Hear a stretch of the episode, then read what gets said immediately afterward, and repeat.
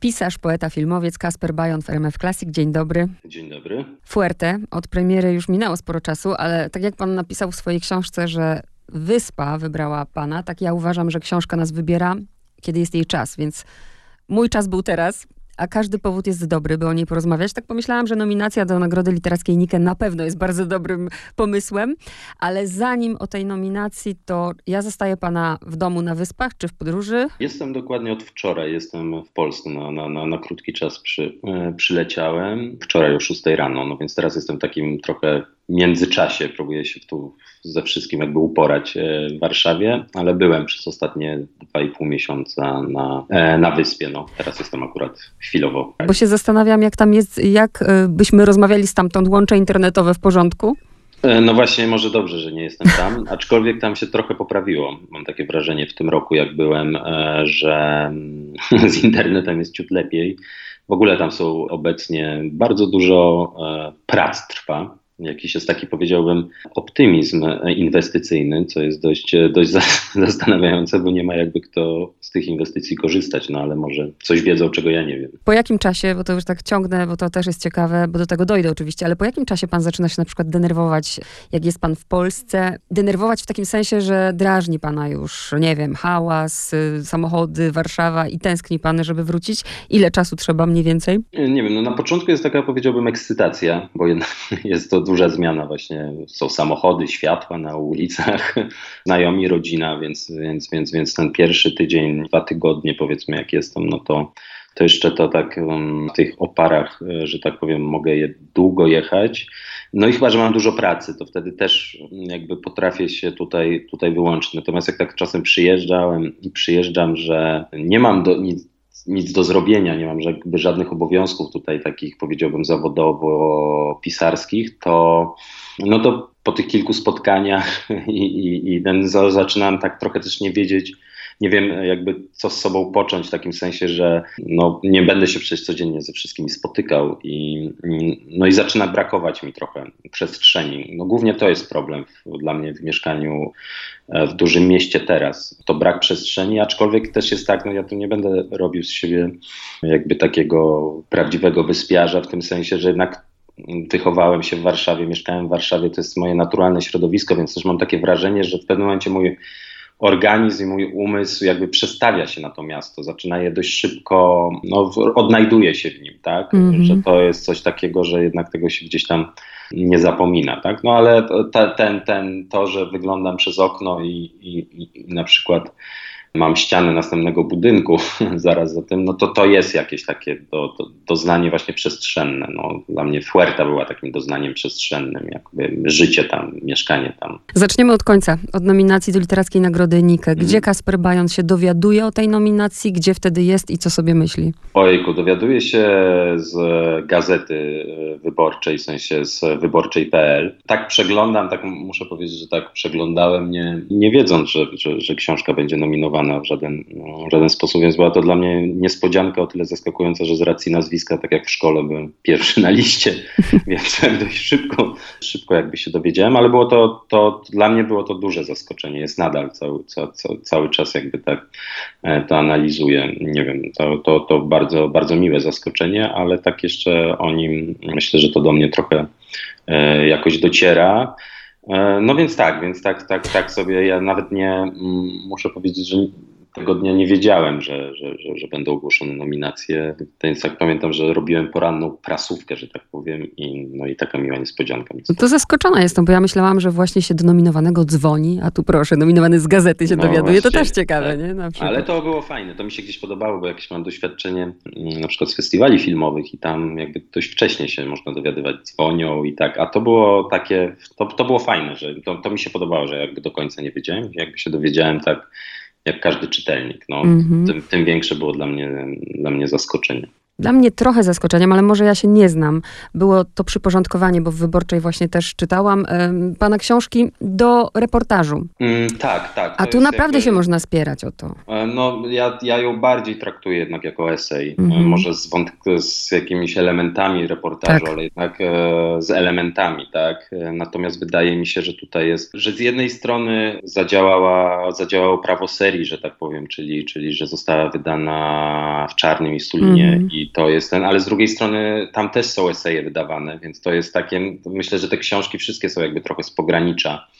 Więc ja takich przyporządkowań w literaturze jakby nie jest tak, że, że, że ich nie uznaję, no bo one są jakby zasadne, tylko w każdej literaturze, którą ja lubię, no tę literaturę, która przekracza jakoś te wszystkie gatunki, jakby wychodzi poza, poza, poza te szufladki. Że lubię literaturę faktu, która jest, jest, jest fabularyzowana, powiedzmy, co, co nie jest popularne, ale tak jak jest w przypadku na przykład, nie wiem, Chatwina. A lubię też literaturę e, bardzo, tak powiedzmy, fabularną, nie literaturę faktu, która ma, bardzo opiera się na, na, na, na, na, na, na faktach, tak? Więc -hmm. jakby dla mnie to wszystko jest tutaj, jest, jest e, bardzo płynne. Jak reportaż, to był bardzo dziwny reportaż. To, tak? Mam wrażenie, bardzo że to może być zaskakujące dla kogoś, kto oczekuje, nie? Mhm. Oczekuje tak. takiego e, reportażu sensu stricte. Zanim wejdziemy do książki, to od kilku lat już, no z tego co pamiętam, jak pan pisał, styczeń 2017 roku, od tego e, czasu mieszka pan w El Cotillona w Fuerteventurze i teraz wszystko wyjaśnia pan w książce, dlaczego pan tam zamieszkał, dlaczego napisał tę książkę, więc o tym nie będziemy mówić, zapraszamy do czytania, ale zapytam od końca, bo postawił pan jakby ostatnią kropkę, bo są też fragmenty pana dziennika. Mhm. I wiadomo, jest to plus czas wydania. Sporo się zmieniło od tamtego czasu, mam na myśli pandemię i chciałabym zapytać, jak dużo się zmieniło? No, trochę się zmieniło. Ja mam wrażenie, że te zmiany cały czas trwają. Ja muszę powiedzieć, że to się zmieniło tyle, że pandemia w jakiś sposób zreformowała wcześniejsze życie. No to z, z wielu, z wielu powodów, no, no, no, najbanalniejszych. Yy, najbanalniejszym powodem było e, niemożność jakby podróży, tak, która może nie była nawet tak dojmująca, ale też jakby ma się wrażenie, że na przykład mnóstwo osób wyjechało z wyspy i już na nią nie wróciło, może wróci, nie, nie, nie, wiadomo. To się jeszcze tam dzieje. No teraz jest, e, zaczyna się, no bo w Hiszpanii mówi się o piątej fali, nie o czwartej. Oni tam mają inny system liczenia tych fal ale że zaczyna się ta piąta fala i ona, ja pamiętam dokładnie rok temu w tym samym momencie się zaczynała, więc jest pewien rytm, że tak powiem, teraz covidowy. Natomiast na Fuercie, poza tym pierwszym lockdownem, tym momentem od, od, marca zeszłego roku, kiedy rzeczywiście tam bardzo Hiszpania restrykcyjnie do wszystkiego podeszła, wprowadziła ten estado de alarma, znaczy czy stan wyjątkowy, E, na terenie królestwa i, i dość go egzekwowała, trzeba powiedzieć, bardzo, bardzo sumiennie to od tamtego momentu, kiedy mniej więcej to się uwolniło w czerwcu, to na Fuercie sytuacja jest relatywnie dobra. Oczywiście ta zachorowalność jest większa, mniejsza, ale ona nigdy nie była taka na przykład jak na Teneryfie, przez to Fuerte nigdy, na przykład już potem od czasu tego, tego, tamtego uwolnienia nie dostało się chyba na tą z tego co pamiętam, czerwoną, nie stała się tą strefą czerwoną, czyli gdzie występował jakby lockdown okresowy. Przez to, że tam się żyje dużo na zewnątrz, no to wiadomo, ta kwestia na przykład y, niedostępności lokali gastronomicznych w środku nie jest problematyczna tam, tak? Więc, więc y, miejsca funkcjonowały przy, przy ograniczonej liczbie osób przy stoliku. Natomiast e, problem pojawił się stąd, że jakby nie przyjeżdżali, przestali przyjeżdżać ludzie na wyspę. Znaczy turystyka tam rzeczywiście zamarła i ona teraz, wszyscy mają nadzieję, że ona się odbije, stąd mówię, mówiłem o tych inwestycjach wcześniejszych. Mhm. Natomiast ja nie jestem tego zdania aż tak. Znaczy, wydaje mi się, że doszło też do dużych zmian mentalnych u wszystkich i to Fuerte, która jest wyspą, która jest jakby oddzielona drogą lotniczą, gdzie trzeba pokonać jednak pewną odległość, zostawiając za sobą ślad węglowy, gdzie jeszcze nie ma jakby no, takiej powiedzmy super nowoczesnej infrastruktury, może nie skorzystać na tym na dłuższą metę. No i tam znajomi mówią, że spodziewają się, znaczy tam cały czas się spodziewają kryzysu. Mam wrażenie, że tam jest ciągłe oczekiwanie na kryzys, natomiast tutaj znowu liczą. Co jest, e, to co się jeszcze zmieniło i to dużo znajomych mi stamtąd mówiło, że bardzo pojawiło się dużo osób, które zaczęły kupować domy i mieszkania na, na, na, na Fuerteventurze, podejrzewam, że też na Lanzarocie i innych wyspach, które służą temu, żeby no, w razie lockdownu, czy no, żeby przyjeżdżać wakacyjnie, tak? Mhm. I, to, I to jest trochę tak, że jeżeli tam Miejscowi trochę na to narzekają, w tym sensie, że bardzo poszły przez to do góry wynajmy mieszkań. Trochę oni nie mogą sobie pozwolić na mieszkanie, no bo te mieszkanie, ceny też poszły do góry. No trochę się zmieniła, powiedziałbym, to jest dość ciekawe, interesujące, jakby, jak się, kiedy się to obserwuje, ale ta, nie wiem, nazwę to na, na, na potrzeby tej rozmowy siatka społeczna, tak? Gdzieś, gdzieś coś się wymieniło, tak? Dochodzi do jakiejś, ja, ja, ja jej nie jestem w stanie teraz uchwycić, tak dokładnie, ale, ale jest coś takiego. No. I dużo rozwodów. Hmm. Tak, więc... A to może nie tylko tam. No tak, tak. tak, tak to rzeczywiście. Zaczyna pan swoją książkę. To jest e, wiadomo, że mm, na potrzeby kilkunastominutowej rozmowy musiałam sobie wybrać to, co mnie interesuje i mhm. to jest akurat fajne, że tak, taką mam możliwość. A zainteresowało mnie to, że zaczyna pan tę książkę od cytatu. Ta książka chyba w ogóle nie jest przetłumaczona na język polski od refleksji na temat morskiej Wenus Durela. Pan się uważa za wyspomaniaka? Takiego powiedziałbym wysp, tak, znaczy tak, no nie będę mówił, że nie, tak, tak, ja się na wyspach dobrze czuję i lubię wyspy i podróżowałem dużo po wyspach, wiele wysp, jakby relatywnie wiele wysp e, zwiedziłem i jakoś zawsze sobie te wyspy mnie jakoś fascynowały, tak, nie jestem wyspiarzem z urodzenia, więc jakby jestem takim e, powiedzmy malowanym wyspiarzem, ale lubię bardzo wyspy, znaczy zawsze, zawsze lubiłem, e, lubię charakter wyspiarzy, który jest dość, powiedziałbym, gdzie się spotykałem, a na różnych szerokościach geograficznych, no on, on ma coś, co, co, coś wspólnego, natomiast też podoba mi się pewne życie na wyspach, tych mniejszych, no ale też, też myślę, że jakby się przyjrzeć na te wyspy, powiedzmy jak Wielka Brytania, to też by się to jakoś znalazło, może w innych inaczej manifestowane, ale podoba mi się ta pewna, powiedziałbym, e, prowizoryczność, jak i taka chimeryczność życia tam.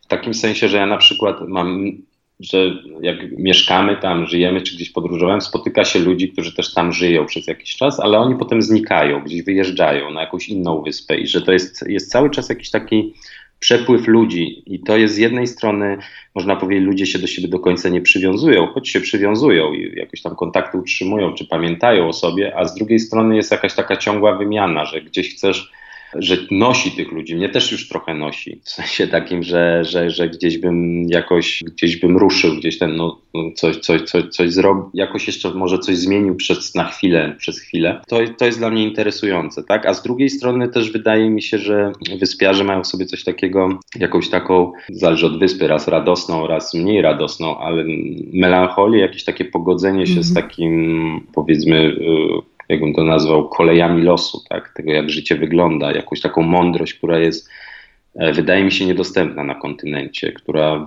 też wiąże się chyba z odbiorem przestrzeni, z tego mm, otoczenia tą wodą, z tego, że nie można, że wydaje się na kontynencie, że, że, że ląd jest bezkresny, a tam to się tak się nie wydaje i to powoduje jakby pewne, pewien rodzaj, myślę, że przestrzeń bardzo zawsze, to nie, to nie jest żadne odkrycie, że przestrzeń wpływa na, na, na sposób myślenia, tak? I ten sposób jest jakby tutaj dla mnie ciekawy. Częściowo Pan odpowiedział na moje pytanie, ale pójdę jeszcze głębiej, bo bardzo lubię i tu pozwolę sobie zacytować zacytować ten fragment, bardzo go lubię.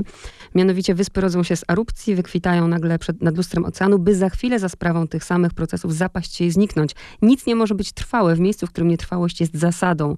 Poniekąd właśnie dlatego nikt tutaj na poważnie nie weźmie dalekosiężnych planów, futurystycznego programu rozwoju itd., tak itd. Tak o tym przed chwilą pan mówił. A ja sobie właśnie zadałam pytanie, bo w tej książce czuję pana, nazwałabym tę książkę taką refleksjami właśnie Kaspra Bajona na temat mhm. E, Fuerte i czuję u pana właśnie taką melancholię, takie, taką chęć, żeby się w tym życiu zatrzymać. A z drugiej strony zadałam sobie pytanie, ale wybiera pan wyspę, właśnie wyspę i wracam do tego cytatu, że by, by za chwilę się zapaść i zniknąć. Czyli z jednej strony jest, rozumie pan, z jednej strony jest ta mhm. powolność, uważność, a z drugiej ta adrenalina, niebezpieczeństwo. No tak, to jest jakby takie, taka jest e, paradoks tego i myślę, mój jako sobie jakoś, nie wiem, nie, nie, nie jestem osobą, która bardzo się poddaje jakiejś takiej autoanalizie, ale że z jednej strony mam coś takiego w sobie, że, że, że chciałbym coś zatrzymać, chciałbym, że dla mnie pisanie jest w jakimś sensie zatrzymywanie pewnych rzeczy z jednej strony i wracanie do pewnych rzeczy, które już nie wrócą i próba ich uchwycenia, a z drugiej strony jest,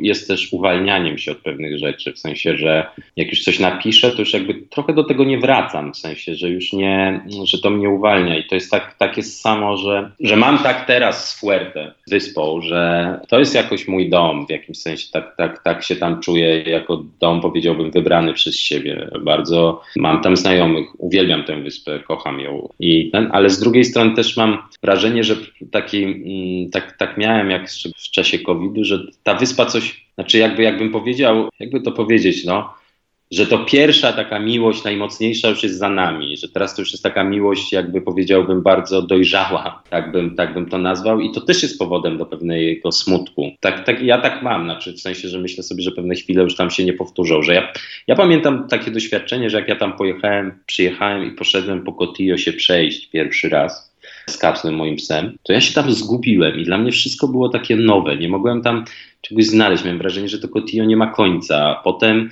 każdy dzień taki był dla mnie długi, bo był kompletnie nowym doświadczeniem. Tak miałem poczucie takiego, jak myślę, jak dziecko, jak młodzi ludzie doświadczają, że wtedy się wydaje, że ten czas jest, że rok trwa tyle, co teraz mm. dla nas 10 lat. Natomiast teraz już tak nie mam, tak? No, że już te dni jakby dogoniły te dni inne wcześniejsze, że już tak mam takie wrażenie pewnego, pewnej takiej, jakby to powiedzieć, no już dobrej znajomości, dobrej, serdecznej, miłosnej znajomości, ale już ta ekscytacja jest mniejsza. Aczkolwiek cały czas mnie potrafi Fuerte niesamowicie zaskoczyć. Znaczy, to są nagle, głównie jeśli chodzi o naturę, ale też o, mm, cały czas czytam o niej dużo, cały czas się czegoś tam o niej dowiaduję, więc to jest takie, myślę, długodystansowa relacja dla mnie, może już jedyna taka długodystansowa, ale, ale już taka obarczona powiedzmy, że to jest już stara miłość. Tak? No, to krótko jak na 4 lata. No tak, no może nie, no ale tak. Żartuję myślę, oczywiście. Że, nie, no ale to trochę tak jest, że powiedziałbym, że to taki pierwszy mocny, mocne uderzenie jakby jest, teraz jest co innego właśnie, jest takie rozważanie tego, tak, myślenie o tej wyspie trochę w innych kategoriach mm. e, dla mnie teraz, tak. To jest bardzo ciekawe, My, to sobie myślałem, że jeżeli kiedyś mi się uda, nie mogę planować, ale czy jak za 15 lat wrócę do tej książki, co, co mi się zmieni w myśleniu mm. o tym, bo też widzę, że naprawdę Fuerte się bardzo zmieniła przez ostatnie półtora roku. To naprawdę to jest coś takiego i myślę, że cały świat nasz się zmienił, ale tam przez to, że to jest jakieś laboratorium, w jakimś sensie to bardzo widać. I nie mi oceniać, czy to się, są zmiany na lepsze, gorsze, tak? bo nie chcę się w to wdawać, tylko mówię, że one są, jakby są, są, są zauważalne. Zanim w przeszłość, bo dwie, dwa wątki z przeszłości na pewno, ale to jeszcze ja sobie z kolei w ogóle, co to za świat? Pewnie oboje jesteśmy z pokolenia, ja z lat 70., gdzie no, wychowaliśmy się bez w ogóle, y, gdzie kolorowych telewizorów nie było, nie, mów, nie hmm. mówiąc o internecie. I ja na przykład wbijam sobie mm, El Cotia i spaceruję dzięki Google tak. Maps, chociaż Google Maps y, i, to Via Street jest chyba tylko przy tych głównych ulicach, bo tam mm, tak, próbowałam po tych bocznych, dalej. nie można. Na szczęście, na szczęście, no nie można. Ale sobie Ale pojeździłam głównymi. To tak. jest coś takiego. Ja jak w czasie e, lockdownu to na Tahiti jeździłem sobie. Ale właśnie taką... ja się zastanawiałam jeżdżąc tam, jak panu nie brakuje, chyba tego by mi brakowało bardzo jednak, drzew. A, to właśnie, to jest coś, co, co e, w ogóle mnie to zaskoczyło tam. Jak mało rzeczy mi brakowało, jak różne rzeczy zdziwiły mnie, których mnie brakuje, a których mnie nie brakuje. Czym ja się bardzo dobrze, to zawsze się czułem, od, od, odkąd pamiętam, odkąd pierwszy raz byłem, dobrze się czuję na pustyni, naprawdę. E, lubię pustynię, lubię ocean, więc Fuerte już miała to, to od początku, co, co, co ja, ja, ja odpoczywam. Jak przyjeżdżam do Polski, czasem mam wrażenie, że tu jest za zielono. Aha. E, mam tak, że jadę na przykład na wyspę La Palme, gdzie jest super zielono i tak myślę, no pięknie, pięknie, ale kurczę, jest, jest za dużo tych drzew, że że nie wiem, mi to daje duży spokój. Znaczy, naprawdę tak jest, że czuję się na, na pustyni, czuję się, że bardzo, bardzo odpoczywa mi głowa, odpoczywa mi mało bodźców. Mhm. Tak samo nie brakowało mi, jakkolwiek to zabrzmi, w jakimś sensie kultury. W tym sensie, no, że tam nie ma teatru, nie ma kina. Znaczy jest jedno kino, jeden multiplex, drugie takie mniejsze, ale ono jest dość daleko i właściwie trochę w tym mniejszym grają kiedy się zbierze grupa ludzi chętnych oglądać film, a to się nie zawsze zdarza. I to jest jakby coś takiego, że tam właśnie, a miałem dużo książek, mogłem czytać, że, że pewne rzeczy zobaczyłem, że można bez nich jakby funkcjonować. To nie jest tak. I też nie było tak, że jak wracałem, to od razu się rzucałem na to kino. Że musiałem pójść, zobaczyć. Miałem jakby, gdzieś jest coś takiego, gdzie indziej się tam przestawia, jakby mam wrażenie, że gdzie indziej się przestawia uważność, że ta uważność się przestawia właśnie na przykład, że się tą naturę obserwuje, która jest tam mm. bardzo uboga, więc pewne rzeczy widać lepiej, pewne rzeczy bardziej cieszą. To, że można na niebo spojrzeć, które jest zasnute smogiem czy chmurami, tylko przeważnie jest, jest jednak je widać, że można te ruchy, że można zaobserwować to, co, co, co kiedyś się obserwowało, że jest coś archaicznego w tej wyspie i to dla mnie było bardzo ciekawe. Tak? I jakoś tego braku drzew, ale aczkolwiek są, znaczy z Fuerte jest tak, że albo się od razu akceptuje, albo się nie akceptuje. Niektórzy to lubią, niektórzy tego nie lubią, tak? W sensie i to nie jest też żadna, że mam mnóstwo znajomych, bliskich, którzy powiedzieli właśnie, tu nie ma drzew, ja to nie mogę wytrzymać, tak? To jest ciekawe, bo to pewnie są, myślę, jakieś sprawy związane, nie wiem, z charakterem, z psychologią, że, że, że jedni tak tych drzew potrzebują, inni ich mniej potrzebują. To, co mnie zaciekawiło, nawet wczoraj o tym rozmawiałam, zestawił pan w taki ciekawy sposób i pokazuje pan to, że właściwie nieważne gdzie, czy ja jestem na Wyspach Kanaryjskich, czy ja jestem, nie wiem, na Żmudzi, ta historia toczy się tak samo. Mam na myśli teraz, prawda, Poganie kontra y, Łanczowie. Tak. Tak, to dla mnie było ciekawe, to dla mnie było taki właściwie impuls do pisania tej książki, że zdałem sobie sprawę, że jakby byłem gdzieś związany rodzinnie i, i, i nie tylko rodzinnie z tym powiedzmy takim wschodnim kresem Europy i wylądowałem na jego najbardziej zachodnim kresie, można powiedzieć tak. I że właściwie w tym samym momencie, w tym samym czasie na tych, na tych peryferiach z dwóch stron rozegrało się właściwie to samo. Tak. I to było dla mnie coś, że to dla mnie było takie, że to jest takie uniwersalne doświadczenie Europy, od którego my staramy się odciąć wielokrotnie. Dla mnie takim odkryciem było, jak, jak ja byłem mm, studentem profesora Andrzeja Mencfela i czytaliśmy na seminarium E, barbarzyńcę w ogrodzie mhm. Herberta i właśnie profesor powiedział, że, że tak, my idziemy ten ogród, oglądamy, ale pamiętamy o albigensach, znaczy w tym mhm. sensie, że my musimy pamiętać o tym, jakby jaki jest koszt tego, tego ogrodu, no, tak. tego, to, to, to, to, to, to, o czym Miłosz zawsze pamiętał, że, że to jest, jest, został pewien koszt dość, dość ktoś inny za to zapłacił, tak? I, I, wydaje mi się, że to jest dość interesujące, znaczy pamięć o tych, o tych ludziach i e, pamięć o tym, że oni też tworzyli, że są częścią tego naszego mitu założycielskiego, tylko tą tym ciemnym rewersem, tym, tym, tym jakimś taką naszym, naszym, naszym grzechem, który, który potem przerodził się w jakiś sposób ten powiedzmy nowożytny grzech e, niewolnictwa. Tak? Mm -hmm. To jest jakaś, że jakaś jest tu ciągłość pewna. Nigdy nic nie jest e, takie albo takie, czarne albo białe. Chociażby e, żywy mit w postaci ulic jeszcze, mam na myśli generała Franco, prawda, i słynnego obozu. Mam nadzieję, że nasi politycy nie będą czytać tej książki, bo jeszcze wpadną na ten pomysł. No, no tak, jak, jakby myślę, że nie wiem, nie chcę tu snuć jakiś, bo to nie jest jakby moja, mój obszar, ale mam wrażenie, że nasi politycy dużo biorą z Franco.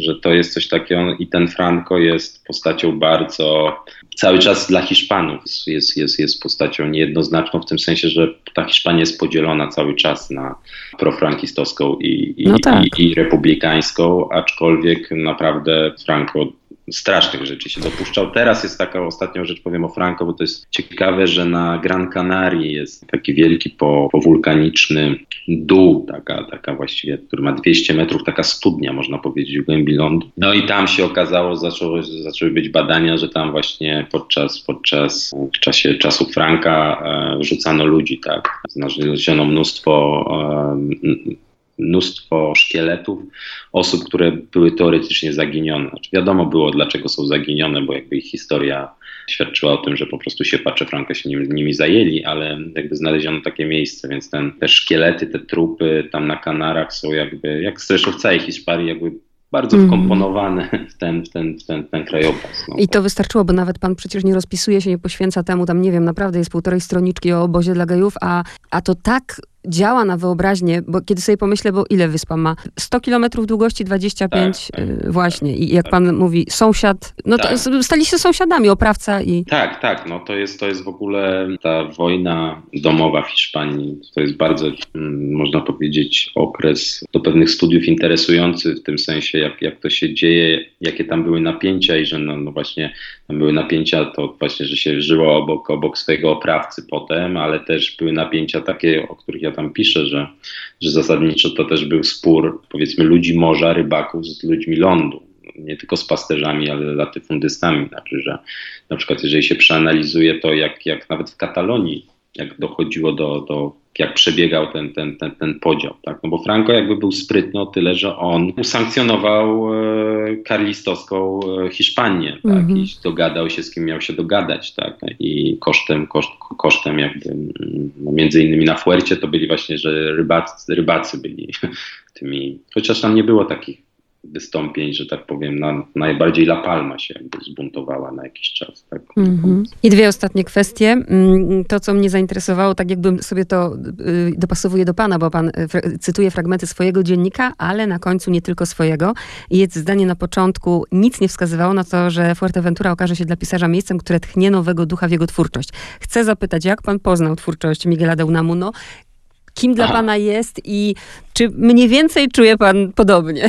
Ja poznałem e, dość wcześnie. Ja z tego co pamiętam, po prostu raz wyjąłem książkę, jak miałem może 17-18 lat, to był zbiór opowiadań i takim piwowskim wydaniu, wydaje mi się. Tak. I zafascynowało mnie nazwisko wtedy, to tak się mniej więcej.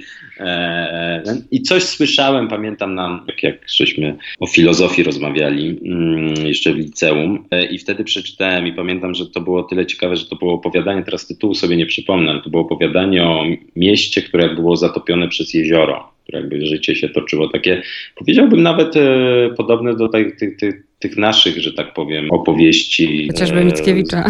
tak, mówię o balladzie. Tak. Więc to jakby tutaj, e, tutaj coś, coś, coś takiego było ciekawe.